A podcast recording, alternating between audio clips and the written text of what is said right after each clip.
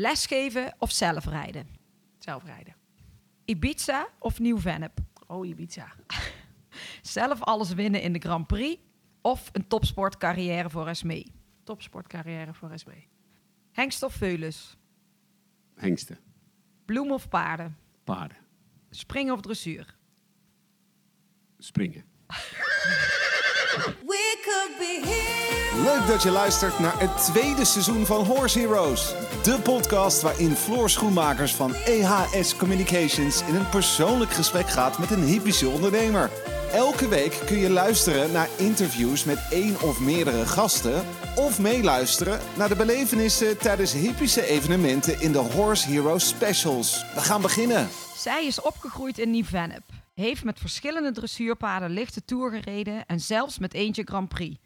Ze heeft Oren derde fase dressuur succesvol afgerond en jarenlang als freelance instructrice en ruiter gewerkt. Ze heeft tien jaar in de ledenraad van de FNRS gezeten. Is direct, houdt van feestjes, denkt graag in oplossingen in plaats van problemen en gaat uit van haar eigen kracht. Hij verhuisde van Alphen aan de Rijn naar Brabant en kwam daar tegenover een boe- boerderij te wonen waar ze paarden hadden. Daar raakte hij besmet met het paardenvirus. Hij volgde de middelbare tuinbouwschool en ging werken op een springstal in Duitsland. Via wat omzwervingen in de bloemenhandel heeft hij het paardenleven weer serieus opgepakt. Hij is impulsief, een beetje chaotisch, zorgzaam en net als zijn vrouw houdt hij van een feestje en gezelligheid. In 1999 leerden ze elkaar kennen op de manege. Inmiddels zijn ze 22 jaar een setje, trotse ouders van hun eigen paardenmeisje Esmee. En samen runnen ze hun manegebedrijf Stal het Kabel in Nieuw-Vennep. Vandaag in onze podcast Sanne Winters en Ronald Pieter Boert. Welkom. Hallo, Dank je. dankjewel. Nou, ik ben eh, eigenlijk even benieuwd naar jullie achtergrondverhaal. En eh, Sanne, als ik eh, met jou mag beginnen, zou jij eens wat meer willen vertellen over jezelf? Wie jij bent en eh, wie is het paardenmeisje Sanne? Ehm, ja, nou, het paardenmeisje Sanne is, ehm, voor zover als ik dat me kan herinneren, altijd een paardenmeisje geweest. Ehm, niet van huis uit per se eh, met paarden opgegroeid, maar mijn, mijn oma aan moederskant eh, was een, een paardenvrouw ook wel. Maar die is helaas eh, heel vroeg overleden. Ik geloof dat ik twee jaar oud was, dus ik heb haar eigenlijk niet echt gekend. Ehm, en bij mijn moeder zat ook wel het paardenvirus erin, maar er was geen geld. Dus ehm, die kon nooit rijden. En dus toen zij volwassen was en haar eigen geld verdiende, bedacht ze dat ze wel wilde rijden. Ehm, dus toen ik eh, jong was, toen reed zij paard. En daarmee kwam ik natuurlijk ook vrij snel al in aanmerking of in, in aanraking met paarden. Ja. En dat was hier op de manege. Oh, echt? Dus eh, ja, mijn moeder reed hier. En, eh, en dus ben ik hier ook, ik denk dat ik vijf was, dat ik hier begonnen ben. En nou ja, gewoon in de manege. En één keer in de week, twee keer in de week, leasepony. En op een gegeven moment eh, had ik mijn vader zover dat ik een, eh, een eigen pony mocht. Ja. Dus eh, ja, en toen zat ik ook nog op hockey. Maar dat, dat heb ik toen wel gauw laten vallen. dacht ik, nou, dit, dat kostte veel tijd, dus ik wil alleen maar op de manege zijn. En dat begon dus met een pony. Dat begon eh, met een leasepony hier op de manege, Jordi. Ja. En Jordi was eh, een beetje een aparte. Eh, die, die had nogal een, een, een sterk karakter in wat hij zelf vond dat hij wel en niet hoefde te doen. Maar dat, ik was de enige, geloof ik, die hier erop durfde te rijden. Dus ehm, dat was aardig gauw beklonken dat hij wel als leasepony eruit mocht voor Ja. de manege. Eh, maar goed, die was al oud en ehm, dat heeft denk ik anderhalf jaar geduurd. En toen kwam eh, mijn eerste echte eigen pony, dat was Hera. Ja, dat was ook niet echt een hele meewerkende pony. Dus als ik daaraan terugdenk, denk ik, nou, het is nog wel een soort van wonder dat ik het nog steeds leuk vind. Want die hebben niet echt geholpen in eh, dat ze makkelijk waren of eh, dat het allemaal roze geur en maanschijn was met die ponies. Nee, maar je hebt daar wel door leren paardrijden. Ik heb er wel door leren paardrijden en ook van leren doorzetten. nou ja, op een gegeven moment heb je de overstap eh, naar de paarden gemaakt. Ja.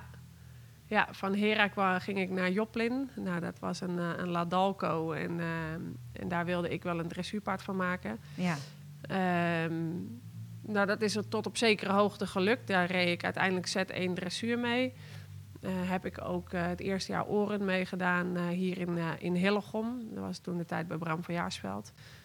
Ehm, maar goed, dat paard was ook uiteindelijk niet voldoende om echt Oren mee verder te gaan. En dus toen, toen ondertussen had ik met Ronald al verkering. En die kocht een springpaard. En die bleek ook heel goed dressuur te kunnen lopen, wat, eh, wat we eigenlijk niet echt wisten. Mhm. Dus daar heb ik de oren mee afgemaakt. Maar in die periode, eh, jij was hier altijd op de manege, vertelde je, maar eh, heb je, wat heb je, deed je toen ook nog een studie? Ik heb de HAVO gedaan. Ja. Ehm, en school vond ik echt, ehm, nou ja, totaal niet interessant. Nee. Dus ik, ik kon eigenlijk best wel heel goed leren. Maar alleen deed het niet echt. Maar dat mag ik natuurlijk niet hard zeggen. Ja. Geen voorbeeld van mijn dochter. Maar ehm, eh, uiteindelijk heb ik gewoon eh, netjes de HAVO afgerond. En toen eh, dacht ik, ja, wat wil ik nou? Heb ik... Er waren er nog niet zo heel veel paardenopleidingen. en Deurne, dat... op een of andere manier was dat hier niet echt een, een studie wat mensen je aanraden. Dus dacht ik, nou, dat moet ik dan ook niet wezen. En toen heb ik de oren dus eh eerste jaar gedaan. Toen dacht ik, ja, misschien moet ik maar een jaartje gaan werken. Nou, dat is nog steeds zo. Ik ben altijd eh, blijven werken. Ja, ja, wel de oren helemaal afgemaakt natuurlijk. Eh, dat was toen nog de derde fase, heette dat. De derde Ja. fase dressuur. En dus dat heb ik succesvol afgerond. En ondertussen werkte ik al ook gewoon in de paarden. Maar ergens kwam je Ronald tegen. Ja, dat was ook hier. Er is eigenlijk heel veel op dit, eh, op dit bedrijf gebeurd. Ik reed hier eh, gewoon en ik zat hier dag en nacht ongeveer. eh, met vriendinnen en ik reed allerlei paarden. En hier stonden ook altijd paarden om zadelmak te maken en zo. Dus daar reed ik dan ook op. En Ronald kwam hier op het kabel wonen. Dus die, die, en die had wat met paarden. Dus die kwam eigenlijk hier terecht om ook een beetje te rijden. En zo zaten we eerst nog eh, vrij onschuldig aan de bar met elkaar. En eh, nou ja, uiteindelijk is daar eh, wel onze liefde ontstaan. Ja, nou, zoveel jaren later zijn jullie eigenaar van die manege waar alles begon. Dat Ja. wel. de- Oh, dat is broekje. ja, ja nou, zo voelde het ook wel een beetje hoor. Toen Zo we, is dat ook een beetje gegaan toen. en ook een beetje sentiment natuurlijk om het eh, dat we toch gekocht hebben. We hadden best wel wat bedrijven gezien. Hè, en we hadden eh, bij huis acht stallen. Maar dat was net iets te veel privé, net iets te weinig professioneel. Mhm. Dus we wilden we anders. Toen zijn we door het hele land gaan kijken naar ehm, paardenbedrijven. En uiteindelijk kwam dit op ons pad weer. Ja, en ik weet toch, ik, ik was hier jaren niet geweest en eh, dat wij hier eh, binnenkwamen weer. En het, toen- het rook naar vroeger. Het Het rook. leuk. Nou, Eh, daar, waarschijnlijk ik wil waren dat, naar eh, dit stuk. Ik wil dadelijk nou, ik wil eerst heel even de eh, naar Ronald, even jouw verhaal horen, want we weten nou een beetje wie Sanne is, wat de achtergrondverhaal is. Ik wil even jouw verhaal graag, Ronald.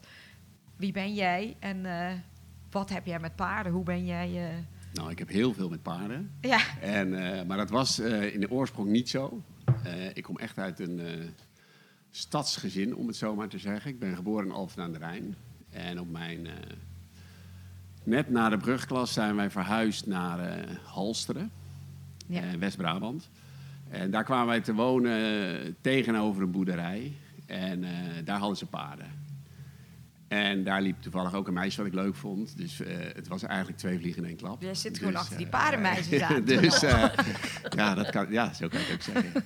Dus uiteindelijk nou, had ik natuurlijk, moest ik natuurlijk daar op die boerderij terecht zien te komen. En, dus daar, daar, daar, daar ben ik toen heen gegaan en daar heb ik wat ge- geholpen en wat gewerkt. En daar hadden ze dus ook die paarden. En toen eigenlijk is dat een beetje begonnen. En toen zei die boer op een gegeven moment, moet jij niet een keer op de paard zitten, weet je wel. Nou, en eigenlijk van eh, op een paard zonder zadel aan zijn halster gewoon erop gaan zitten. Maar ja, dat ging natuurlijk niet zomaar. Dus toen dacht ik van ja, dat wil ik beter leren. Want ik was er wel gelijk, het was gelijk raak. Ik, Ja. ik was met die paarden in aanraking gekomen en ik was gelijk... eh, ja, dat is een bepaald gevoel. Alles eromheen vond ik mooi en het rijden vond ik mooi. En dus ik naar de manege getogen. Dat was de paardenhoef in Berg op Zoom. En eh, nou, daar ben ik eigenlijk begonnen met, eh, met paardrijden. En dat nam zulke vormen aan dat ik echt... ehm, nou ja, ik wilde er eigenlijk altijd zijn. Dus ehm, ik besloot toen... na mijn middelbare school wilde ik dus de paarden in. Dus Ja. ik wilde wel naar Deurne. Ja, Dus ik ben ook eh, naar een introdu- introductiedag geweest. En om te eens kijken met mijn moeder samen. Want die vond dat ook wel leuk. Die vond alles eigenlijk altijd met die paarden ook wel leuk. En, ehm, maar mijn vader was eh, not amused. Die eh, zei, nee, die paarden daar...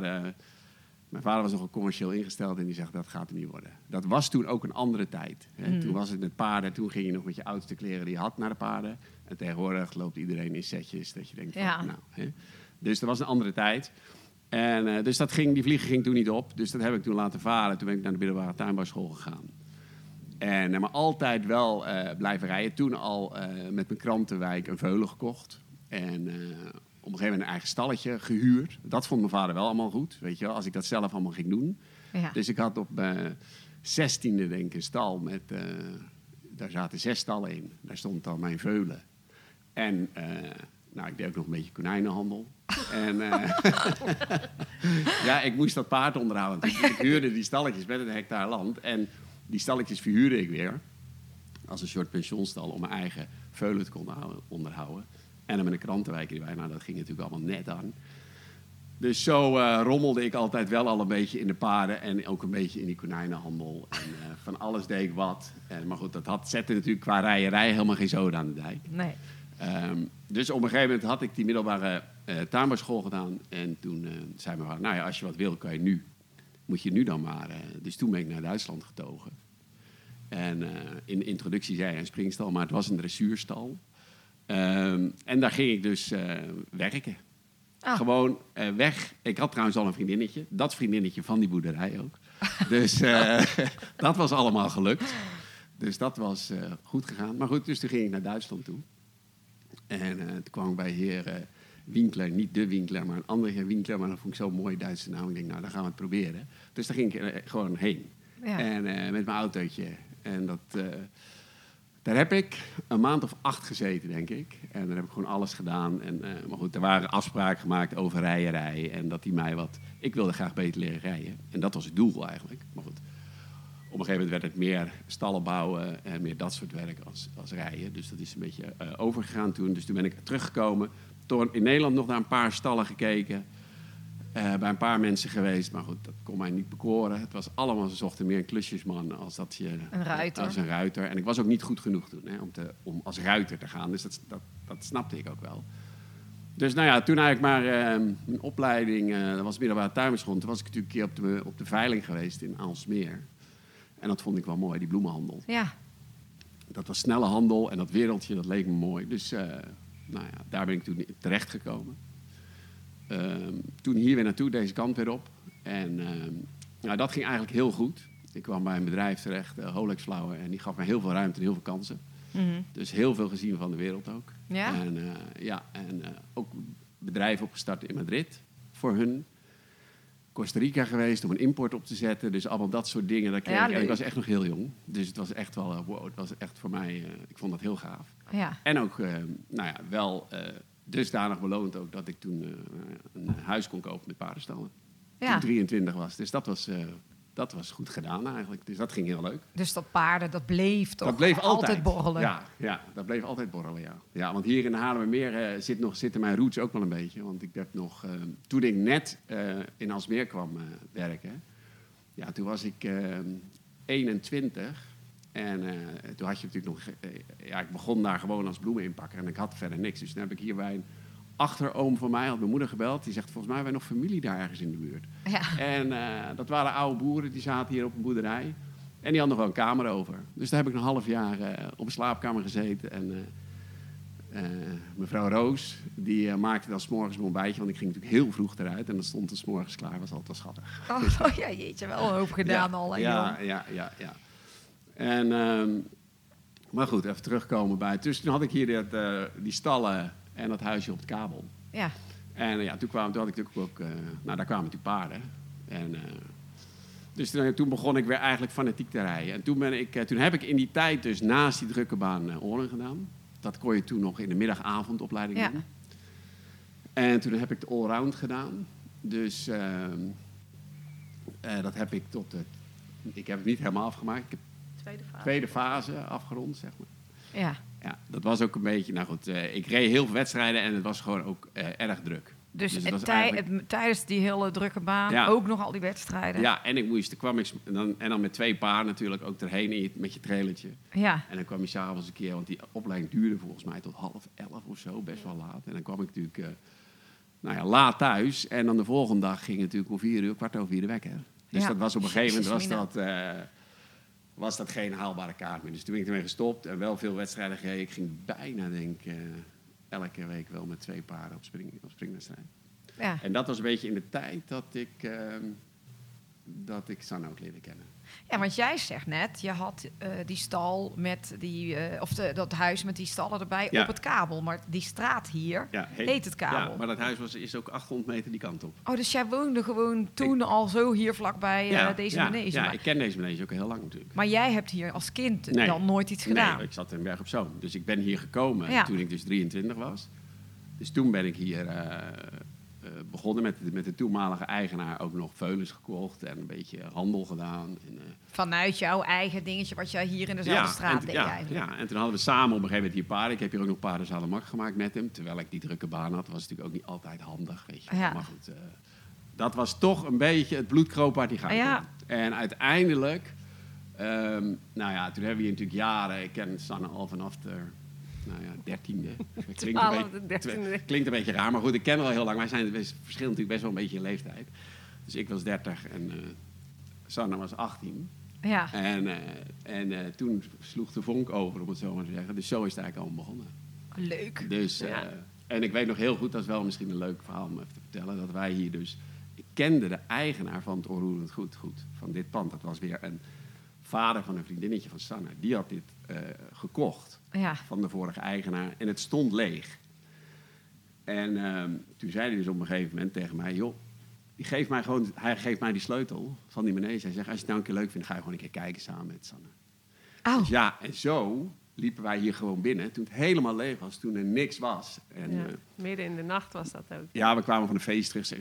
Ja, we vonden dat toch... wel- dat bedenk je, dat soort Ja. briljante ideeën. groepje- groepje. Ja, die sleutel lag in mijn auto. En toen dachten we van, joh, zullen we even gaan, naar, we even gaan kijken, weet je wel. Dus, dus toen zijn we hier gaan kijken. En ik weet nog heel goed, wij liepen hier... Dat was nog met z'n tweeën toen. Toen liepen wij hier doorheen. En toen... ehm, eh, toen hadden we dus al, denk ik, nou, 12, 13... Nou, we aardig wat bedrijven in Nederland gezien. Want we waren echt op zoek. En ze vroegen hier een beetje te veel geld voor naar ons zin. Maar toen zei Sanne zo van... eh, het moet gewoon naar ons toe komen. Weet je wel, dit is onze plek. Dit, dit moet het worden. Dus nou, toen ben ik de volgende dag... eh, op zaterdagochtend naar eh, hem toegereden. Max Vogel was dat, naar hem toegereden. En toen hebben we het aan de keukentafel belonken. Oh, Ja. dus toen was het wel... Ja, maar ik bedoel, want ik zit even nog midden in het verhaal. Weet je wat, dat jij zei dat je da- die, die handel hier allemaal samen doet als met die oude Ja, eigenaren. ja, ja. Maar daar zit nog een stuk ja er tussen. zit een stuk tussen. Ja, die oude eigenaar is op een gegeven moment verhuisd naar... eh, Berg op Zoom. Halster. nee, nee, daarvoor nog naar Rokanje. Oh ja. Ja. oh ja, tuurlijk, ja. Een boerderij, een, eh, ook weer een manegebedrijf in Rokanje. En eh, toen had hij dit pand nog, dat ging hij toen verhuren aan zijn toenmalige eh, werknemer. Ja. Ik, dat hoor je wel vaker. Nou. En eh, die hebben dat toen uiteindelijk ehm, eh, gekocht. Toen is het, eh, dat ging niet zo heel goed. En toen heeft eh, dus eh, Max Vogel heeft dat toen weer eh, van, die mens, van die mensen gekocht. En die heeft hun het wel laten runnen. Ja. Dus weet je, dus die werden, dat werd een soort. eh, nou goed, hun werkte hier gewoon. eh, hun hadden een eigen bedoelingje, alleen het oorroerend goed was niet meer van hun. Nee, maar de manege heeft altijd gedraaid. Ja, totdat het helemaal niet meer goed ging. En toen is eigenlijk die manege is failliet gegaan. En toen is het helemaal leeg gekomen te staan. Ja. Dus het, was, het heeft denk ik een half jaar helemaal leeg gestaan. Totdat wij kochten. Maar en welk jaar was dat? Eh, dat was dus in eh, sinds 2007 hebben wij het gekocht. Dus, eh, 2000, ja, 2006, 2007, die periode. Maar waar ik dan wel even benieuwd naar ben, want voordat je in één keer besluit ik ga een manege kopen, waren Ja. jullie iets anders aan het doen? Wat, wat, wat was jij toen aan het doen, Sanne, in die periode? Ik bedoel, jullie kregen op een gegeven moment verkering. Ja, toen ik was 18. En Toen hadden wij denk ik net ehm, verkering. Toen ging ik naar Leusden. Ik heb drie jaar denk ik op een manegebedrijf, Manege Nieuw Hagenouwen heette dat toen, in, eh, in Leusden gewerkt. Dat was toen helemaal nieuw opgezet. Ehm, en daar woonde, daar ging ik dan op dinsdagochtend om zes uur nam ik de trein hier. En dan ging ik eerst op dinsdag eh, de oren doen in eh Ermelo. Daar werd ik opgehaald door een van mijn medecursisten. En dan gingen we samen naar Ermelo. En dan vanaf dinsdagavond tot vrijdag werkte ik daar. En op vrijdagavond kwam ik naar huis. Nou ja, vrij snel eigenlijk al naar Ronald's huis. Werd een- ons huis. Ja. En toen ehm, dan ging ik door de, in het weekend ging ik daar eh, lesgeven en eh, nog wat paarden rijden. Dat heb ik denk ik drie jaar gedaan. In die drie jaar heb ik die, tijd, die, die uren dat ik in Leusden werkte wel afgebouwd. Op een gegeven moment ging ik nog maar één dag in de week. Eh, ik vond het daar eigenlijk wel heel leuk. Dus ik kon nog niet heel goed helemaal meteen afscheid nemen. Nou goed, na drie jaar ehm, was dat wel echt wel klaar. En eh, ondertussen had ik natuurlijk hier wel ehm, wat meer paarden te rijden al. En, ehm, en ik gaf heel veel les op heel veel verenigingen, overal in de buurt. Ik reed overal heen om eh, verenigingsles te geven, privélessen te geven. En, eh, en thuis hadden we dan ook best wel wat paarden die ik, die ik reed. Maar het was allemaal wel, voor mijn gevoel, kon ik het niet helemaal doen zoals ik het echt graag wilde. hè. Je kon thuis eigenlijk niet echt iets, iets doen. eh, want ehm, ja, we hadden gewoon te weinig stallen, eh, te weinig ruimte om, eh, om meer paarden te houden. En eh, ja, je gaf, ik gaf thuis ook wel wat les, maar dat was ook niet heel veel. Dus we wilden gewoon graag wat, ja, wat groter, echt meer professioneel. Dat je ook echt je, je Ja. boterham erin kon verdienen. Nou ja, dus jij had eh, heel veel kilometers eh, al gemaakt met lesgeven en Ja. paardentrainen van Ja. anderen, maar nog niet de plek gevonden. En in die periode, wat was jij toen aan het doen? Ik was gewoon volop. eh, ik had een eigen bedrijf in de bloemen. Want ik, werd, ik, ik was natuurlijk eerst eh, werkte ik voor uh, Flower. Ja, En op een gegeven moment werd dat toch een beetje te jong, te veel op een bord gekregen. Dus daar ben ik toen eh, mee gestopt. En toen ben ik dus eh, samen met een compagnon, John Gelijn, ben ik voor mezelf begonnen. ja, Als bloemencommissionair. Dus dat is eh, bloemenhandelaar. Dus dat was eh, partijen bloemen opkopen en weer verkopen aan de exporteurs. En eh, dat heb ik in diverse, in diverse gradaties gedaan eigenlijk tot vijf jaar geleden. ja. Dus ik was, toen we dit kochten, was ik volop in de, gewoon in de bloemenhandel bezig. Voor mezelf dan wel. Dus ik kon mijn tijden wel aardig indelen. Maar het was natuurlijk allemaal vooral nou ja, half in de nacht en veel in de ochtend. Dus we dachten dat wel te een beetje te combineren. We hadden ook wel... Kijk, we kochten dit ook met het idee dat ik ook wel een beetje die bloemen... Ik was wel een beetje bloemenklaar. ja. Eh, dus het was een beetje... eh, ja, jij wilde de- wel handelen, maar liever met paarden. nou ja, ik wilde wat anders. Ik vond die, die paarden, dat is altijd toch wel mijn, de, de grote liefde geweest, Ja. zou ik maar zeggen. En, eh, en de bloemen vond ik wel mooi. Dat dynamische van de bloemen vind ik nog steeds mooi. Ja. De snelheid waarmee dingen gaan. En, en het past wel goed bij mijn karakter. Want als ik, ik moet een beetje... Kijk, je begint 's morgens en je eindigt ergens en je wordt gewoon door de dag geleefd. Eh, dat was voor mij wel, eh, wel, wel lekker. Maar goed, ik wilde altijd de, de, eh, iets in de paarden. Dus we waren daarom ook op zoek naar natuurlijk een groter bedrijf dat we ervan konden leven. Ja. Nou ja, en uiteindelijk gewoon eigenlijk toch wel een beetje, beetje bluffpoker door dit gewoon te kopen. En eh, hopen dat je je huis verkoopt en dat het allemaal goed komt. Ja, Nou en, goed, en, eh. en grote dromen naleven, denk ik ook. Ja. Maar vlak voor dat gebeurde, gebeurde er nog wat anders. Ja, Eh, ja, nou ja, in 2005 werd ik zwanger. Ja. Ehm, en Esmee is in november 2006, nee, dus in 2006 werd ik zwanger. In november is zij geboren. En eh, ja, dat was natuurlijk gewoon helemaal de bedoeling. hè. Ik bedoel, dat was niet dat het een ongelukje was of zo. We- Dat wilden we gewoon graag. En, ehm, maar ja, tegelijkertijd wilde ik ook wel verder. Ik was eh 26. Dus ik was eigenlijk wel eh, echt eh, klaar om verder te gaan in de, en professioneler in de paarden te gaan. Dus Esmee was een half jaar toen wij dit kochten. Dus die heeft ehm, nou, gewoon, eh, is altijd gewoon meegegaan in de box of in de kinderwagen of in, eh, met oma mee op pad. eh, en ehm, nou, dat ging eigenlijk heel goed. En dat was misschien ook wel mooi dat Ronald toen nog in de bloemen werkte. Want ik was hier natuurlijk s'morgens vroeg. en overdag was Esmee gewoon bij mij. En eh rommelden we hier samen. Mijn moeder was hier ook veel. En dus die heeft er ook heel veel nou ja, opgevangen. En, eh, en ik ging dan eh, s smiddags, avonds lesgeven. En dan was Ronald thuis en dan, eh, nou, die ging ongeveer tegelijkertijd naar bed. Ja. Ja, En zo ging dat voor Esmee denk ik wel heel, eh, heel mooi. goed. Wij leefden wel een beetje langs elkaar heen op een gegeven moment. Maar ja goed, dat was ook eh, in de beginperiode vooral. Ook een van de redenen misschien wel dat uiteindelijk we helemaal samen naar, eh, naar dit bedrijf zijn gegaan. ja. En de bloemen niet meer erbij hebben. Maar dan is het dus wel vooral voor jou, voor generatie op generatie op generatie. Weet je wel, je moeder die al hier was en Ja. jij nu. En is Ja. mee wel, wel een mooi verhaal ook, Ja. hè? Ja, ja, ja. Maar oké, jullie hebben de manege gekocht. ja. En ehm, jij was eh, ook nog actief in de sport. Ja. Wat heb jij eh, zelf gedaan in de, in de dressuursport? Ehm, ik heb, eh, het- vooral toen wij hier, vlak voordat wij hier ingingen, had ik twee paarden. Ehm, echt mijn eigen twee paarden, die ik ook eh, wat, eh, wat langer kon houden. En ehm, de ene was helemaal springen gefokt en de andere gewoon eh, dressuur gefokt. Ja, daar ben ik gewoon mee aan het rijden gegaan. En ehm, elke keer, ik, ik had toen al een keer Z2 gereden. En dat was het hoogste wat ik gedaan had. En elke keer ging ik kijken hoe ver ik kon komen. En die, die, paarden scheelden twee jaar van elkaar. Maar die gingen op een gegeven moment natuurlijk wel aardig gelijk op. Dus ja, Z2 gingen ze goed in. Ehm, de subtop gingen ze goed in. eh ZZ zwaar. eh, nou ja, gingen we ook maar lichte toer rijden. En eh, ondertussen, ik, ik trainde altijd bij Johan Hamminga. had ik de overstap gemaakt naar Adelinde. En Adelinde heeft mij altijd wel heel erg aangemoedigd. Hè, want ik, zeker met Ulixus, het paard waarmee ik uiteindelijk Grand Prix gereden heb. Dat ging niet heel erg makkelijk. En ik, ha- ik won eigenlijk nooit.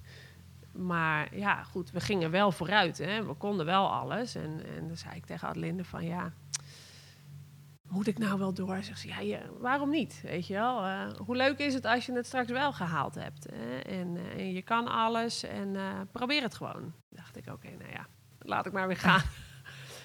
en ehm, uiteindelijk is het dus toch gelukt om, om Grand Prix te rijden. Ja. En daar ben ik nu wel heel erg blij om ook dat zij mij daarin gestimuleerd heeft. En, en steeds gezegd heeft dat, dat ik door moest gaan en niet, niet moest stoppen. En niet, Maar leuk. Ja, maar ja, dan is het toch wel... eh, ja, het was heel leuk. ja, En die andere heeft goed in de lichte toer gelopen. Maar die, die lukte het gewoon niet om hem goed te laten piafferen. Die kon, eh, die kon beter passagieren en eh g- galopchangementen. Maar, en, en die hebben uiteindelijk verkocht. Ehm, hier als pensioenpaard heeft hij heel lang gestaan. Nou, en toevallig hebben we hem eh, vorige maand weer teruggekocht. Omdat Ja. eh de eigenaresse zwanger is. En eh, nou ja, die wilde graag ook dat we hier wel zou blijven. Dus nou ja, Maar eh, nou ja, we hebben een stuk achtergrond van jullie gehoord. Hè, en we hebben het hele verhaal gehoord hoe het uiteindelijk is gekomen dat jullie die manege hebben gekocht. En ondertussen hoor je ook dingen, een stukje over de handel, over mee, over de sport, over het lesgeven. ja. Ik wil eigenlijk graag weten, het moment eh, jullie hebben de sleutel, je hebt de manege gekocht, dan maak je een plan van wij gaan iets zijn als bedrijf. Ja. Ja. Wil je daar eens wat over vertellen, Ronald? Wat, wat is jullie bedrijf? Wat is eh Stal het Kabel? Nou, toen we dit kochten, was, stond, om even helemaal bij het begin te beginnen, stond het natuurlijk helemaal leeg. Ja, Er zat een eh, hele grote uil in, dat weet ik nog heel goed. Ja. En eh, ja, alles was natuurlijk smerig. Hè? Want als je een paardenbedrijf leeg laat staan, dan de stallen waren wel schoongemaakt en zo, maar voor de rest was het ja ondergepoept Ja, het was gewoon vies, zeg maar, dan een half jaar leeg staan. En het was helemaal niet eh, zoals wij het wilden. Zeg maar. Het was een beetje nog een ouderwetse manege.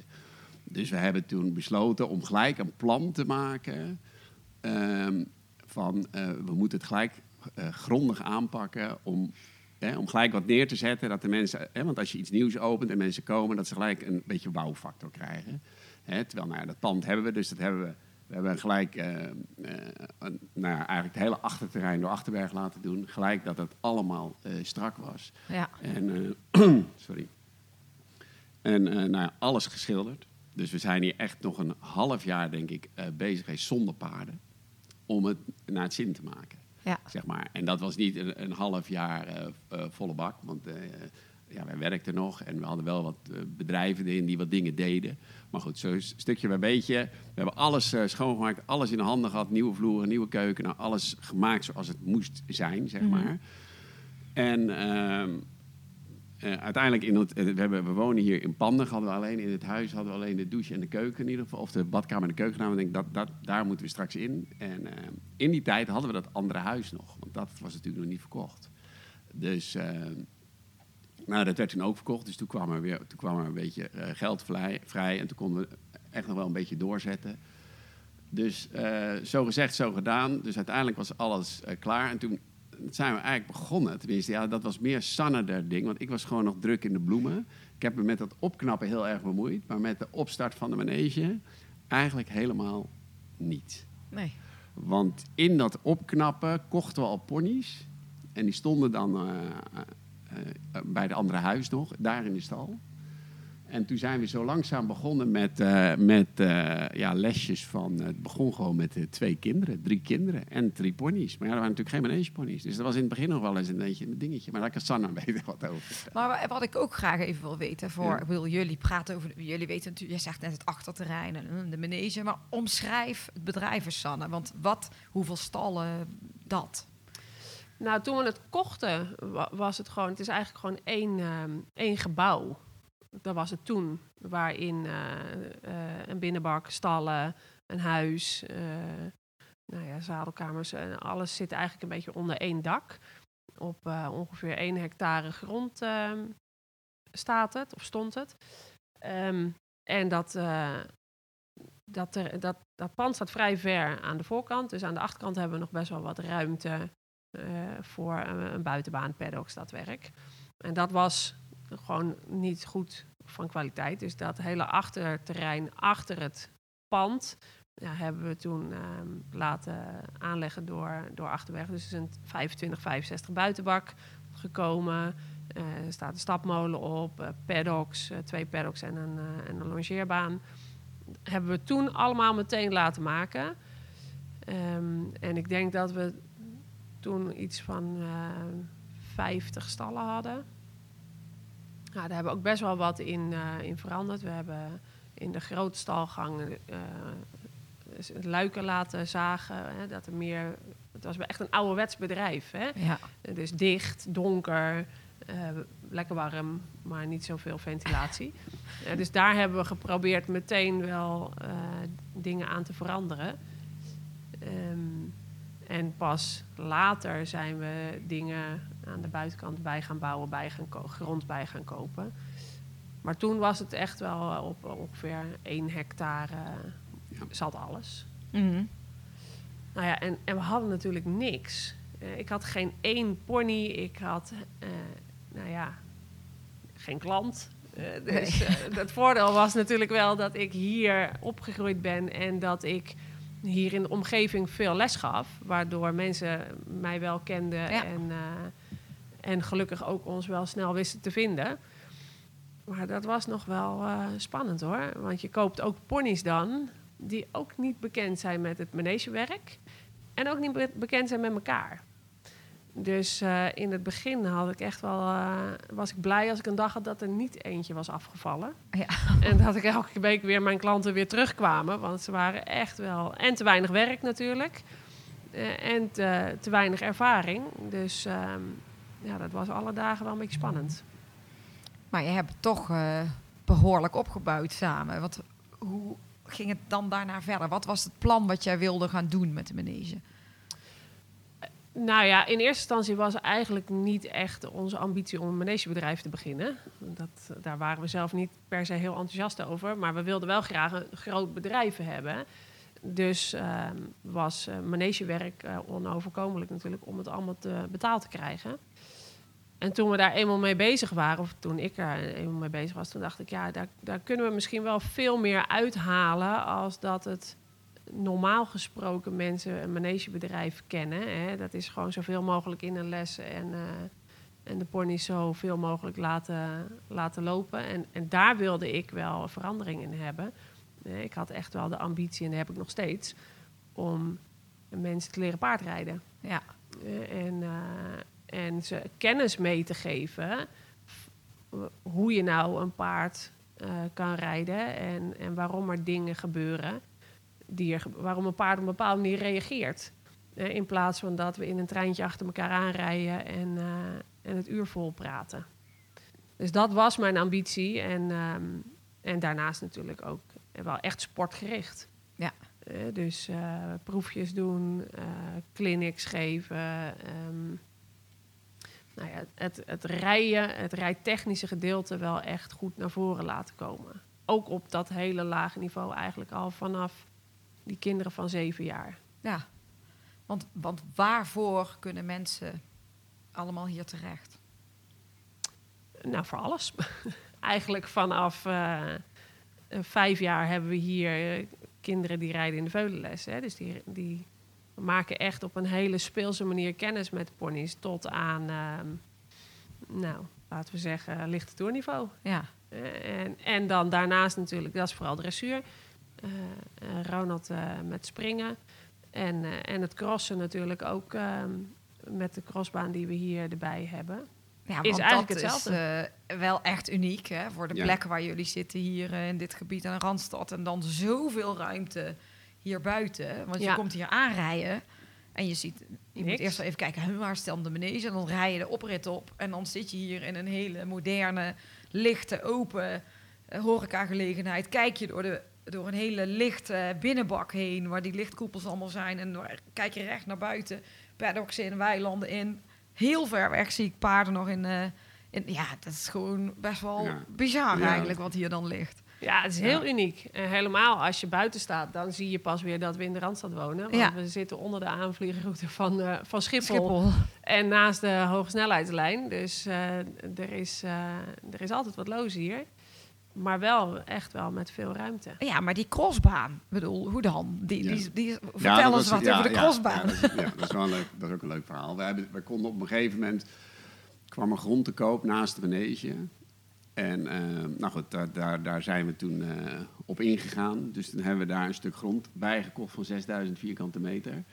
En toen was dus het verhaal, nou dan hebben we in ieder geval, want we zaten natuurlijk maar op een hectare. En eh, dan hebben we in ieder geval een beetje weiland. Dat was het eerste, dat was het uitgangspunt om dat stukje erbij te kopen. Ja. Want we huurden wel wat weiland eh, naast ons. Maar goed, dat was ook niet zo heel veel. Ik denk, we hebben in ieder geval eh, iets voor onszelf. Maar toen zaten we er nog eens over te denken en over te bomen. En toen dachten we, ja, eigenlijk moeten we iets maken wat we wat vaker kunnen gebruiken. Hè? Als eh, zeven maanden in het jaar die paarden op eh, laten grazen. Dus toen is eigenlijk het idee gekomen, ook al een beetje toen begon dat welzijnsverhaal, ook al wat meer te spelen. Om daar wat paddocks te maken in ieder geval. En, ehm, en een crosstrein. Ja. Omdat we dat, eh, dat leek ons gewoon, eigenlijk gewoon voor die manegekinderen, gewoon eh, ja, super gaaf. weet Ja. wel. en Dus, ik nou, wilde graag een galoppeerbaan hebben. Waar En jij wilde graag paarden overheen kon galopperen. ja, dat hadden we, ja, dat hadden we toen een keer gezien bij Kijkje in de Keuken van de FNRS, denk ik. Bij Van der Leegte. Toen die had een hele grote galoppeerbaan. Dat is mooi, weet je. Als je een beetje... Dus. Dus wij, eh, wij zijn toen gaan... Lekker ambitieus, hè? Net Ja, Van der Leegte. Ja, maar wij zijn toen eens gaan, eh, gaan tekenen, gaan denken en eh, gaan rekenen. En toen eh, ben ik samen met een hovenier naar Ermelo gereden. Om even te kijken hoe daar de, de zeg maar, hun eh, Crossterrein. crossterrein eruit ziet. Ja. Zeg maar. En eh, nou goed, daar hebben we de brug van nagebouwd. Eh, iets kleiner, want we hadden iets minder ruimte hier. Maar wel zo dat we, dat we dachten, ja, misschien willen we er ook wel aangespannen overheen. Weet je wel. Dus wel die maten een beetje gehouden. Maar goed, dat is uiteindelijk allemaal niet eh, gebeurd. Maar goed, we hebben daar wel naar gekeken. Dus we hebben een eh, grote brug gemaakt. We hebben een mooie piano gemaakt. We hebben een heuvel met een afsprong gemaakt. We hebben een waterbak gemaakt die ik op hoogte kan stellen. Dus dat is heel, eh, heel gaaf. En voor de rest hebben we gewoon vaste hindernissen ingemaakt. En Ja. daarnaast natuurlijk die galoppeerbaan om het hele terrein. Tenminste, om, die, om, die, eh, om het crossterrein en de paddocks.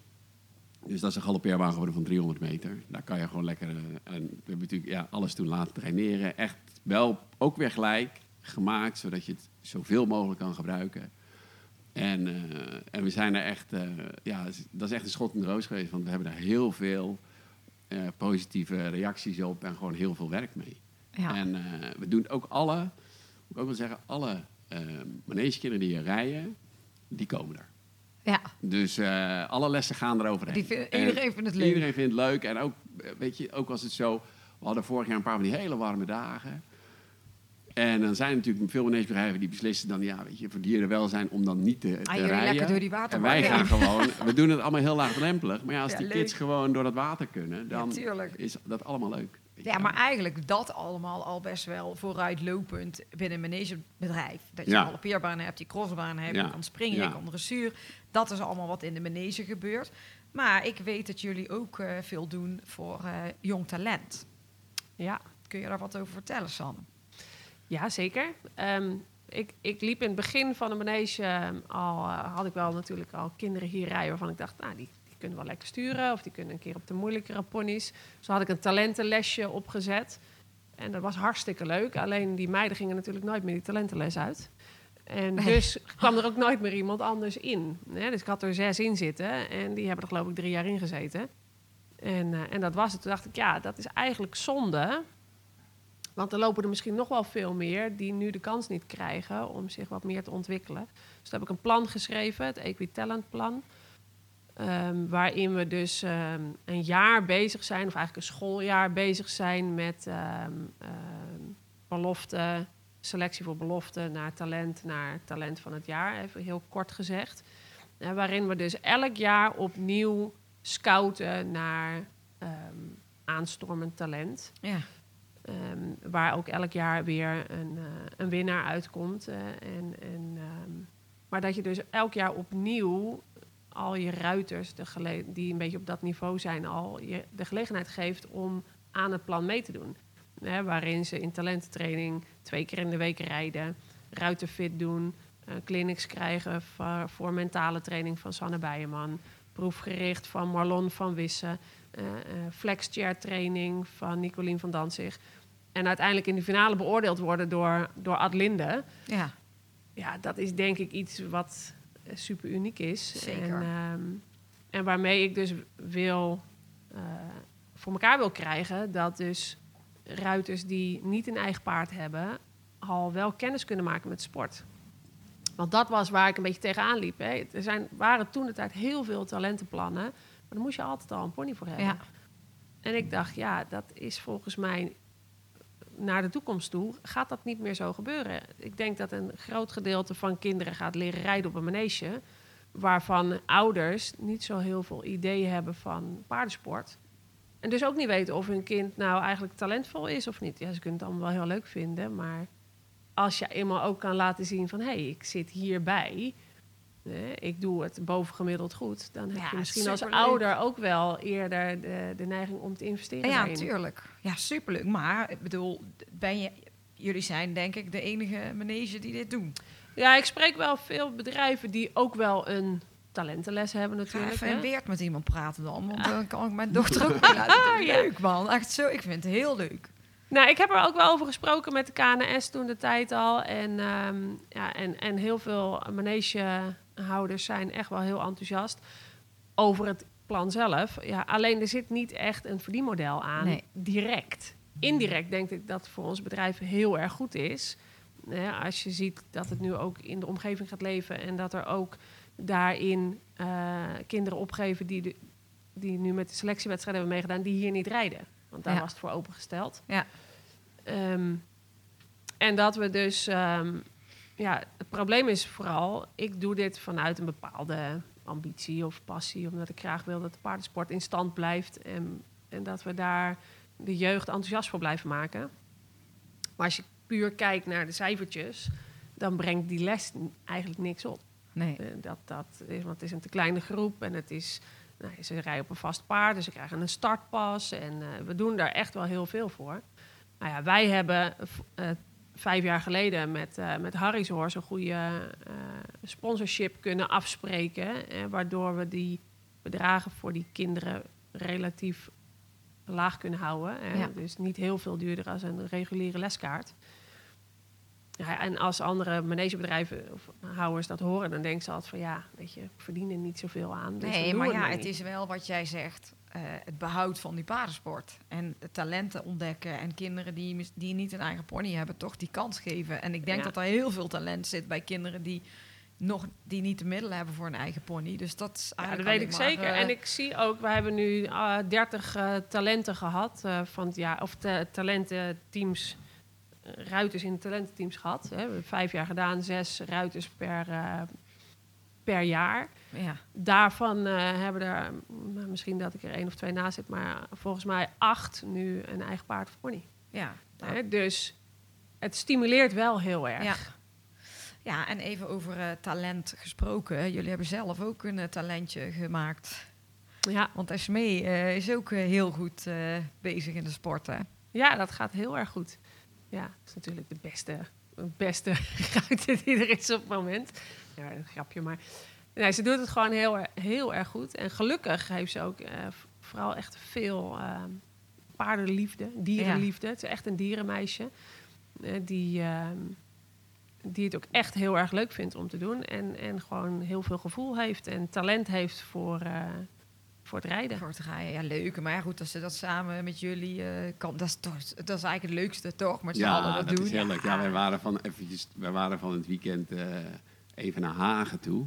Ja. hè, met z'n drietjes. En eh, daar genieten we gewoon alle drie even Ja, heel van. ik. Dus dat is echt, eh, dat is echt heel leuk. Dat is echt, dat is echt heel uniek, ja. ja. Dat, dat, weet, ik, dat, dat weet ik ook wel. Ja. Hey, maar Ronald, ik wil even... eh, dat- jij bent natuurlijk de handelaar, hè? Altijd de bloemenhandel Mhm. en handel gedaan. Maar naast het managebedrijf doen jullie natuurlijk ook nog eh, een stukje paardenverkoop. Ja, dat, eh, dat is eigenlijk iets van de laatste jaren, moet ik wel even zeggen. We zijn, we, we- ik wilde dat altijd al graag, maar ja, als je in de bloemenhandel zit en de paardenhandel samen, dat is, dat, dat is geen optie.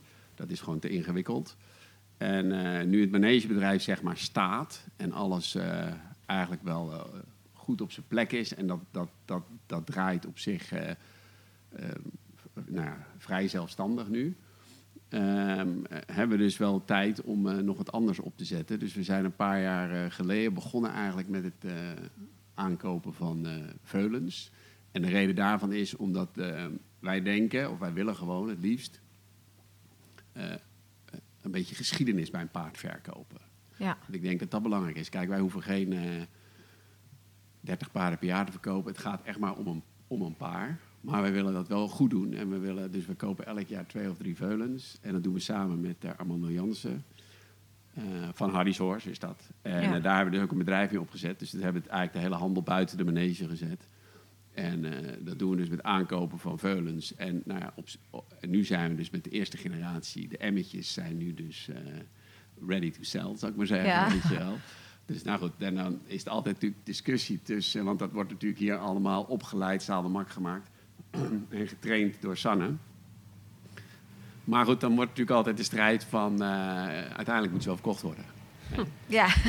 en als ze het goed doen, dan wil ik liever niet dat ze Nee, worden. nee. Maar ja, dat zijn natuurlijk juist degenen die, die, die het interessant zijn. Dus, ja. uh, en het echte verkopen, moet ik wel zeggen, begint nu pas echt te komen. Ja, ja. We hebben daar wel natuurlijk al een paar jaar hè, met die veulens kopen. En we, nou goed, uh, om even een zijstap te maken, de grond aan de andere kant kwam ook te koop. Dus dat hebben we. Grond aan de andere kant van kwam ook te koop. Dus daar zijn we toen ook mee uh, in de slag gegaan. Dus dat hebben we uiteindelijk uh, ook aangeschaft. En daar hebben we dus een stukje opfok voor Rosa gemaakt. En ehm, dus zodoende kunnen we de veulens dus ook zelf opfokken. Dus eigenlijk gebeurt alles hier nog allemaal onder één dak. Ja. En ja, we, de tijd zal het uitwijzen of we het goed doen met, met, met die handel. We doen wel eens wat hap-snap-handel, zou ik maar zeggen. Maar niet echt dat, je, dat, dat mensen terug kunnen komen en dat zeggen... nou, daar kan ik een fijn paard halen, want die zijn goed opgeleid. Die zijn... En we beginnen daarmee met die veulens al. Ja. En uiteindelijk houden we ze gewoon... ja, we zien ze elke dag totdat ze, totdat ze eruit gaan. Dus, ja, maar ja, ik, dat, ik denk ook als dit daar weer verder is uitgebouwd, uh, komt ook wel weer goed. Want zo nee, dat, is alles dat, heel succesvol geweest wat jullie bedacht hebben samen. Ja, dat is ook zo. En ik denk ook dat dat belangrijk... Uh, mensen willen graag een beetje verhaal weten van, ja. van wat er is met het paard gebeurd. En als ze dan weten van, nou ja, dat is, is al als veulen bij jullie... en altijd zo dichtbij geweest, om het zo maar te zeggen. Dus ja. ik kan ze echt alles vertellen. Ik weet ja. alle ins en outs ervan. Ja, maar ja, dat is uh, super fijn als je als koper dat weet. Ja. Uh, lijkt me dat je ook weet waar een paard vandaan komt. Um, jullie uh, zijn ook genomineerd ooit voor eh, de hypische ondernemer. Ja, vorig jaar. Dus het is niet eh, onopvallend eh, gebleven wat jullie allemaal doen. Nee. Nee. Wat, eh, hoe was dat? Nou, dat vond ik een hele eer. Ja. Ze hadden ons eh, al wel een paar keer eerder gevraagd of we er aan mee wilden doen. En toen, eh, want we waren steeds aangedragen. Ja, dat, je weet nooit door wie, hè, want dat wordt, wordt niet verteld. Dus nou ja, daar waren we al wel eh, best wel vereerd over. Maar ja, er waren best nog wel wat dingetjes die we toen nog anders wilden, waardoor we het steeds niet meededen. Nou ja, waaronder een nieuw dak. En dat is dus vorig jaar gerealiseerd. En toen dachten we, nou ja, misschien is het nu wel eens tijd, ook door de, de corona Ja. Ehm, dachten we, nou ja, het is misschien wel goed om, ehm, om nu wel mee te doen. En toen eh, kwamen we zomaar bij de laatste drie. En eh, werd er eh, zelfs een mooi filmpje gemaakt en mochten we meestrijden in de, in de finale. Ja, dat was natuurlijk wel echt een eer. ja, leuk. En ook wel dat je denkt, nou, we zijn... We vinden zelf niet alleen dat we op de goede weg zijn, maar andere mensen zien dat ook, Oh ja? zien dat ook zo. Dus ehm, nou ja, uiteindelijk hebben we het niet gewonnen. Maar als ik zie de, de drie bedrijven die er aan meededen, ja, dat is ook eigenlijk gewoon zo moeilijk. Het enige wat overeenkomt is dat we met paarden bezig zijn. Ja. Maar voor de rest is dat natuurlijk. ja, maar gewoon de hele ding daarnaartoe is Ja, denk ik al leuk. leuk. Ja, En, is eh, omdat, ja. We gaan eh, even naar eh, muziek. Want eh, ik ben natuurlijk altijd nieuwsgierig naar eh, wat iemand heeft met muziek. En jullie hebben ook een nummer doorgegeven. Wie wil daar iets over vertellen? Ja, nou, dat wil ik wel. Oh, nou, mooi. Ehm, ja, dat is eh, eh, van Bluff, liefst uit Londen. Toen wij, eh, nou, ik denk nog niet eens echt verkering hadden, maar eh, dat we wel al. eh, ehm, Het zat er tegenaan. het zat er tegen. Jullie Ja. elkaar wel heel leuk vonden. heel leuk vonden, ja. Toen ehm, er was met Valentijnsdag, dat weet ik nog wel heel goed. Toen ging ik met hem als een soort afscheid van mijn jeugd, mocht ik van mijn eh, vader een, eh, een tripje kiezen waar we naartoe wilden. Dus ik wilde wel naar Londen. Nou, dat is toen geboekt. En op Valentijnsdag zouden wij naar eh, Londen gaan. Dat was al geboekt voordat wij eh, al echt ehm, een soort van serieus waren met elkaar. Ehm, maar ja, toen was dat natuurlijk zo. Toen dacht ik, ja, ik wil eigenlijk helemaal niet. Ik wil liever thuis blijven. Ik wil liever naar hem toe. ja.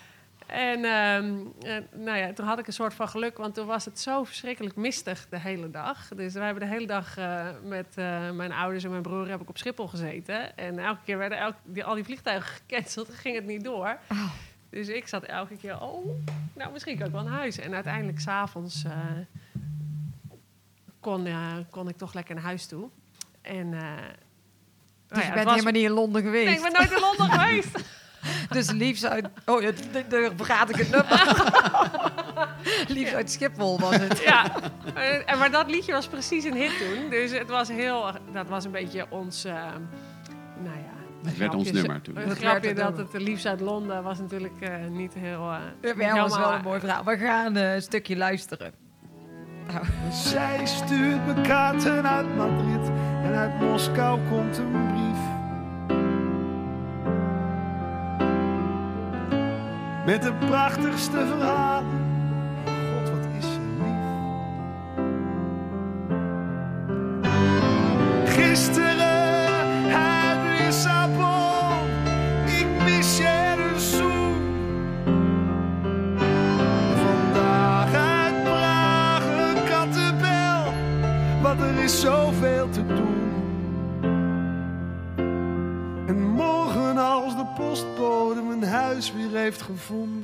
dan stort ze mijn hart vol met al het liefst uit Londen.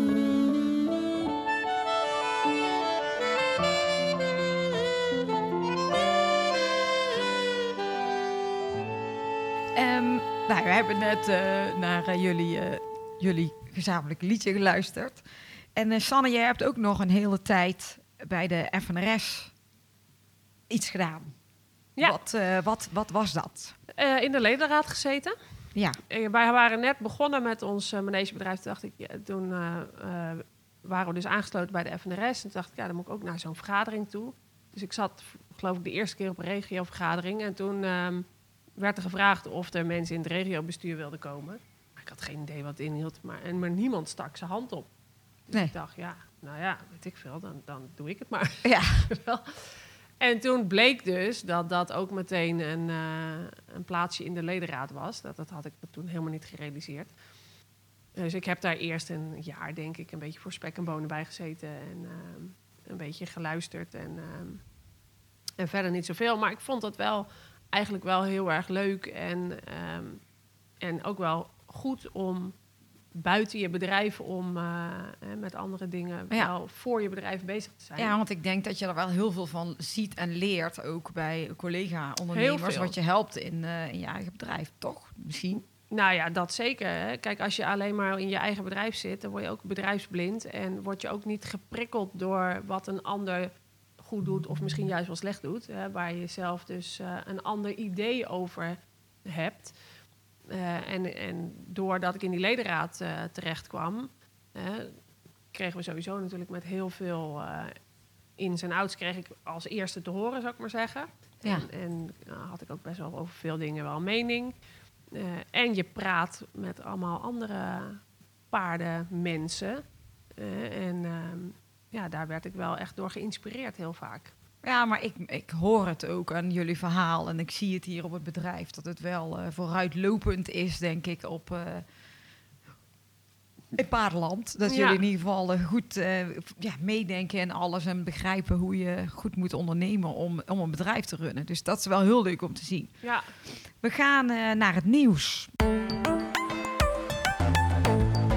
Wat speelt er in het nieuws? En we hebben gekeken naar een aantal eh, kopstukken die in, eh, in de hippische eh, wereld gaande zijn. Nou en een van de veel besproken onderwerpen is natuurlijk het verhaal van die vijfkamp-atlete Annika Sleu. Zij is onlangs vrijgesproken, maar de trainster niet. En daar is natuurlijk heel veel over gezegd en geschreven en gedaan. Ik ben heel benieuwd hoe jullie daarover denken. Dus ik kijk Ronald even aan. Wil jij, heb jij daar Ja. iets over? Ja, daar heb ik wel wat over, ja. Eh, ja, hoe daarmee omgegaan wordt is ehm, natuurlijk... eh, nou, in de media wordt het breed uitgemeten, wat ik ook wel eh, begrijp. Want alles waar dieren mee te maken hebben, wordt breed uitgemeten. En dat is ook terecht, denk ik. Er wordt alleen, denk ik wel, het wordt wel een beetje uit zijn perspectief getrokken vaak. hè, want de mensen die het eigenlijk het hardst eh, roepen over die dingen, dat zijn vaak niet de paardenmensen. Het zijn vaak de mensen die dus, eh, naar mijn idee, eh, dan niet zoveel inzicht hebben in het paardenleven en in het welzijn van een paard. En hoe je met paarden om dient te gaan, of hoe je sowieso met dieren, denk ik, om moet gaan. Wij zien dat binnen ons bedrijf, wij zitten natuurlijk midden, hartje Randstad. En wij hebben natuurlijk ook heel veel te maken met mensen met heel veel dierenliefde of paardenliefde, maar eigenlijk er van de dieren niet zoveel afweten. Ja. En eh, dat heeft denk ik hier ook een beetje mee te maken. Dat heeft daar ook een beetje zijn weerslag op. En die groep, die wordt natuurlijk, het is een hele grote groep mensen. En die moeten wij als bedrijf wel eh, ja, eigenlijk goed onderwijzen. Van jongens, eh, let op. Hè. Eh, hoe moet je met een paard omgaan? Eh, het zijn grote weesten en ze reageren niet als mensen. En het Nee. zijn ook geen mensen, Nee. zeg maar. En daar komen we hier in het bedrijf veel, veel, gewoon echt veel tegen. Dat je denkt van nou, ehm, ja, mensen die gewoon denken dat een paard eh, zeg maar kan nadenken. Hè, en dat een paard jou als gelijke ziet. Ja, dat zijn natuurlijk allemaal eh, aannames die, eh, ja, die niet waar zijn. Zeg maar. Dus het is, voor ons is het een hele belangrijke taak om de kids, maar vooral ook de ouders. Want die kinderen zijn nog wel, denk ik, die, die hebben heel veel liefde ervoor. Ja. Hè, en die, die voelen dat paard, hè, want het is ook heel veel gevoel. Ja. Eh, die voelen dat toch, denk ik, nog wel eens beter aan als die ouders. Die ouders denken soms dat ze hem nog wel een keer eh, eh, nou ja, anders kunnen benaderen. Ja, en dat, eh, nou goed, daar, daar, hebben we ook, daar hebben we het ook vaak over met die ouders. Van, ja, het blijven wel grote beesten. Dus je moet wel zorgen dat je het voortouw houdt. Dat je zorgt dat je de leiding houdt over een paard. Want ik denk dat dat wel iets is wat we... Nou ja, wat wel belangrijk is, dat je, met, dat je wel dominant blijft over, over het paard. Het paard moet wel ehm, ons blijven volgen. Ja. Het moet niet andersom gaan. Want Nee, dan- maar het is natuurlijk wat hier nu gebeurde, werd het weer zo in beeld gebracht Ja. met eh, ja, daar was natuurlijk van alles van te vinden ja, ook. Hè? ja, en de emoties die daarbij speelden waren natuurlijk ook... Kijk, wij zitten natuurlijk zelf ook eh, in de sport. En eh, dan, dan neemt dat misschien een beetje de overhand op dat Ja. moment. Maar ik denk niet dat, het, dat die mensen geen dierenliefde hebben, zeg maar. Weet je wel. Eh,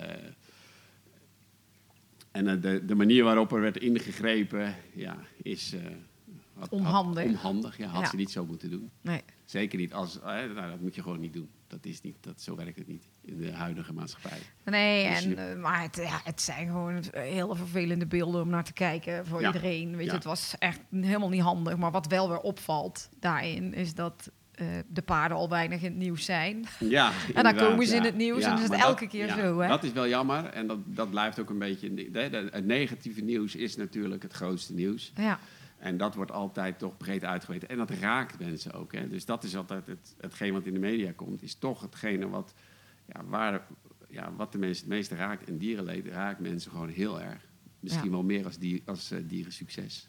Ja nou ja, blijkbaar. Want dat daar zie je ook eh, minder van. Ja, daar zie je ook minder van. Ja, ja. Maar goed, dat is, eh, dat is een discussie die, eh, die we al jaren proberen te voeren. Dat er iets meer aandacht zou moeten zijn voor paardensport. En misschien ook wel voor omgang met dieren. Ja. Hoe, ga je om met die, hoe ga je om met dieren die, ja, die tien keer het gewicht van jezelf zijn? Hè? Bij wijze van, hè. Hoe, ga je dat, hoe ga je dat goed stroomlijnen? Weet je wel? Ook gewoon de volwassen mensen. Er wordt ook gewoon, denk ik ook, ehm, misschien op scholen ook nog wel te weinig aan Aandacht aangegeven, ja. aangegeven. Hè? Dus wij proberen dat hier te doen. We hebben hier ook een uh, buitenschoolse opvang gehad. Tien jaar lang. En eh, nou ja, daar probeerden we dat dan ook, eh, die kinderen bij te brengen. Was overigens op zich is dat trouwens een hele mooie manier om je accommodatie eh, te verhuren. Hè? Want, Je gooide gewoon al die kinderen in de stadmoeder. nou ja, nee, nee, maar je, je, zit, je, hebt, je, hebt, je hebt eigenlijk alle faciliteiten om dat goed te doen. Je moet even vergunning regelen, dat wel. Maar je hebt wel Ja. alle fa- faciliteiten. Hè? En voor kinderen is het fantastisch. Ja, tuurlijk. En ze leren dan ook al echt hoe je met dieren om omgang, moet gaan. Vooral de Leuk. omgang met beesten. Maar goed, dat hebben we tien jaar gedaan. En eh, dat is uiteindelijk eh, is dat, eh, gestopt omdat wij een andere richting met ons bedrijf op Ja, gaan. Dus ja daar, goed, maken we als ook ik zie wat jullie allemaal doen, dan... eh, daar maken we ook duidelijke keuzes in, in die zin. ja, Maar we doen het nu nog steeds wel in... in eh, we hebben het Young Leaders Program lopen hier op, de, op de stal ook. Ehm, waar echt wel veel kinderen ook aan meedoen. En daarin probeer je natuurlijk ook echt het eh, paardenwelzijn en, en verzorging... maar ook gedrag van paarden en hoe je daar als mens mee om moet gaan. Dat, dat leren we natuurlijk ook heel erg in, die, ehm, in dat programma. ja. Dus ehm, ja, wij, wij proberen daar wel echt heel veel aandacht aan te besteden. Maar je ziet ook met die vijfkamp, eh, dat, dat is de ruiter en het paard zijn geen, die hebben geen partnership, zou ik maar zeggen. En ja, je kan je afvragen of dat een, eh, een houdbare vorm van paardensport is. Hè? En of dat je eh, met wedstrijdsport moet zeggen, je moet wel elkaar al een beetje kennen. Oh, ja. In de heat Ja, of the moment is dit wel... eh, Dit was een toegewezen paard. Hè? ja. Nou ja, Ja. misschien moeten ze dat gewoon niet meer Nee. doen. nee. Dat ook wel. Ehm, wat zouden jullie de komende jaren nog heel graag willen doen?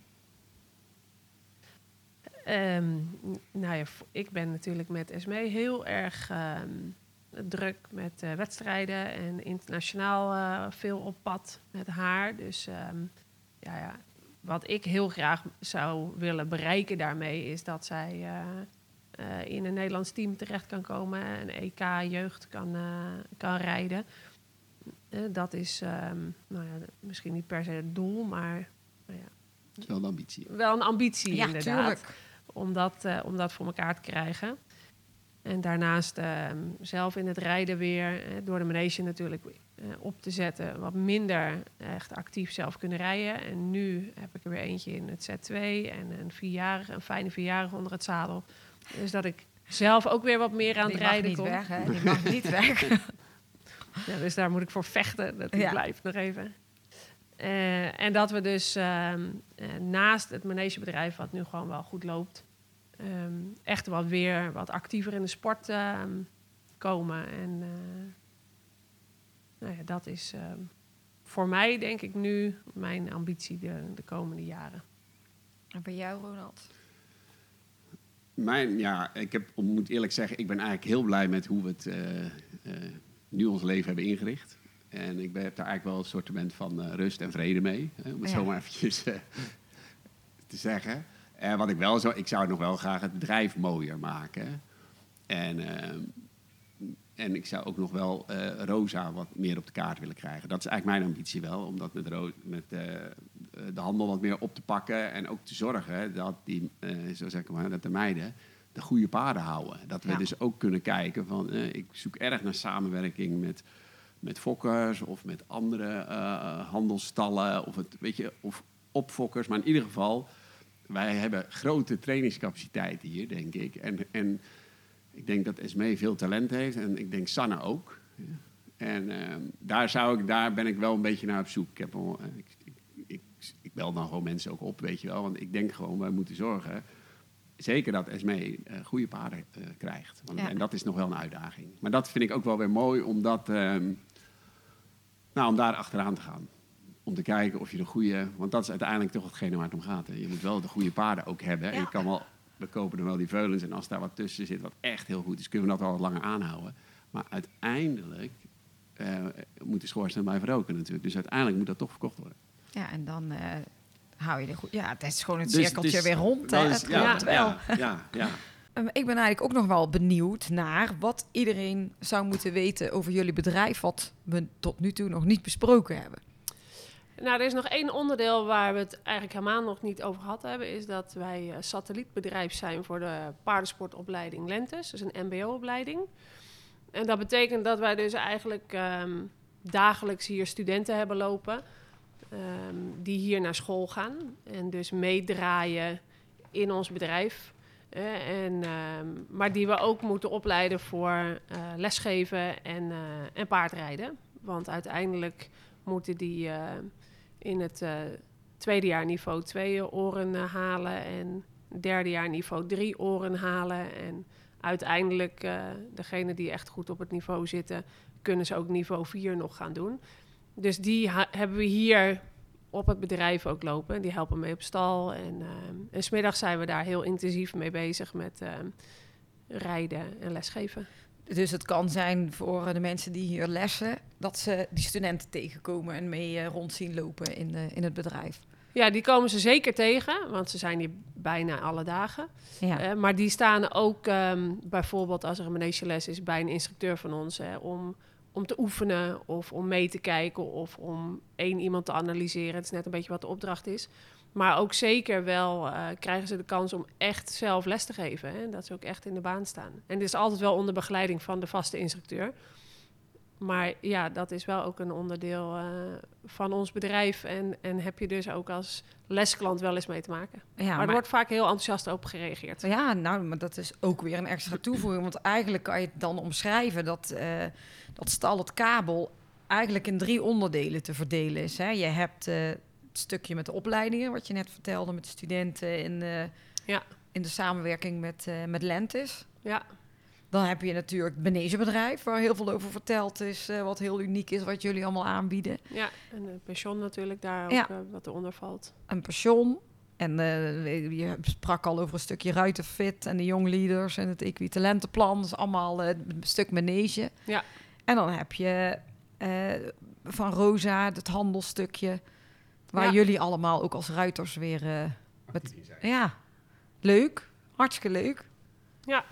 We gaan eh, naar eh, het laatste onderdeel van de podcast. Dat is eh, de vragenpot. Dus dan gaan we briefjes trekken. nou, dan gaan jullie gewoon eh, een vraag oplezen en beantwoorden. Idee wat erop staat. Oh jee. Zal ik hem voorlezen? Ja. Ik, jij mag eerst antwoord geven. Nee, ik, krijg, oh, ik krijg de vraag, heb je een stopwoord? maar dat kan beter iemand anders beantwoorden, want zelf weet ik nooit zo goed. Ik weet wel dat ik in mijn lesgeven heel vaak zeg, begrijp je wat ik zeg? Ja, nou, dat is het topwoord. Ja, Begrijp je wat ik zeg? Sanne, begrijp je wat ik zeg? Jij bent eh, aan de beurt met een vraag. Eh, ik ga een nieuwe vraag pakken. Ja. Geloof je in liefde op het eerste gezicht? Nee.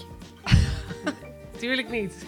wij kenden elkaar al heel lang voordat, we echt, eh, voordat ik verliefd werd. Dus eh, nee, ik geloof... ehm, ja, het zou best kunnen dat dat wel zo is hoor. Dat er, ik geloof ook wel als mensen zeggen dat ze het wel hebben, dat het wel zo is. Maar voor mij is dat, niet, eh, is dat nog niet geweest. Het is gewoon iets gegroeid. Daarom duurt het al zo lang. ja, dan gaan we nooit meer uit elkaar. Ehm, kies je voor een uitgebreid ontbijten of voor uitgebreid dineren? Nou, dat is heel makkelijk. Uitgebreid dineren. Uitgebreid. Kan je goed koken? Ik, kan, ik kook elke dag. Oh, jij bent, jij bent, jij bent, de, jij bent de kok in ja, huis. ik ben de kok. Ja. Ja. Gelukkig wel. Hoe sta jij bij je vrienden bekend? Ja, nou, ben ik benieuwd. Eh, nou, die eh, omschrijven mij meteen als direct. Ja. Eh, als, er een, als er een nieuwe relatie is, eh, dan wordt de, de nieuwe partner wordt altijd gewaarschuwd voor mij. Pas op hoor, want ze is zo direct. Ehm, en als eh, eerlijk ehm, en gezellig, hoop ik. Ja. Dat vind ik zelf altijd. Ik heb met welke vijf foto's zou je jouw leven omschrijven? Zo. Zo, Zo. dat is een moeilijke. Een bloem. ja. Een roza. ja. Een bloem. Een bloem, een paard. Sanne is mee. En een biertje. Nou, superleuk. Hey, ik vond het heel leuk eh, om eh, jullie te gast te hebben in de podcast. We hebben echt... Ik kan eigenlijk nog veel, meer, veel langer doorgaan, maar we zitten echt al eh, best wel op een tijd. En, Ja. Dus als mensen nog veel meer willen weten van jullie, waar kunnen we ze dan naartoe sturen? Nou, dan kunnen ze sowieso naar de manege komen. Ja.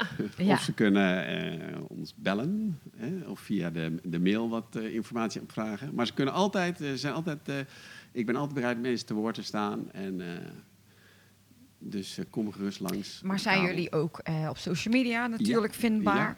Ja. Ja, we hebben een website www.stalletkabel.nl. We hebben een Facebookpagina, eh gewoon van Stal het Kabel. En we hebben Instagram, Stal het Kabel. Ja, nou ja, maar daar kun je in ieder geval lezen wat er nu Ja. speelt en gebeurt en eh, achtergrondinformatie. En wat we ook eh, elke week doen, is een, een leuke giveaway voor de luisteraars. Dus hebben jullie ook iets leuks wat, eh, wat je weg kan geven? Ja, zeker. Tuurlijk, dat vinden we altijd leuk om, eh, om te doen. Ehm, en ik denk dat wat het meeste past bij ons bedrijf is, ehm, is een les. En of dat dan een dressuurles of een springles of een crossles is. En of je dat met je eigen paard wil of dat je dat met een paard van ons wil. Mm, Dat kan eigenlijk allemaal. Ja. Ehm, en ehm, nou ja, als je het leuk vindt, dan kan je hier wat langer blijven. Eh, kan je kijken als wij eh, paardrijden of als ik Esmee eh, aan het helpen ben met rijden. Ehm, dus dat je gewoon een beetje een, een dagje of een half dagje meeloopt. Leuk. een kijkje in de keuken. En mag dat, ook wel. eh, iemand zijn die bijvoorbeeld eh, een vriend of een vriendin meeneemt? Die ook Ja. rijdt, dat ze met z'n twee kunnen komen? Ja. Nou, dat is wel zo leuk, denk ik. Ja, als je Ja. het samen kan doen. Denk ik ook. eh, dat, eh, dat is goed. Leuk. Nou, dan gaan we dat eh, meenemen als giveaway. Nou, wat moet je daarvoor doen? Laat een leuk bericht achter op de Facebook of Instagram post van vandaag over de podcast met eh, Sanne en Ronald van Stal het Kabel. En we gaan natuurlijk hun pagina's ook even volgen. En ik hoop dat jullie eh, het leuk vonden om te luisteren naar de tweede duo-aflevering van Horse Heroes. En ik vond het heel leuk. Met, eh, nee, we hebben behoorlijk zitten lachen weer vandaag. Dus ik wil jullie nogmaals heel hartelijk bedanken. Graag En gedaan. ehm, Graag gedaan. tot volgende week. We could be heroes.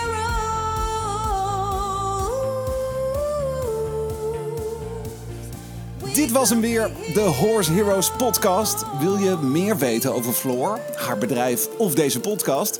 Kijk dan even op de website van ehscommunications.nl. En wat je ook zeker even moet doen, is je abonneren op deze podcast om geen enkele aflevering te missen. Het zou helemaal top zijn als je dan meteen een beoordeling achterlaat. Tot volgende week! We could be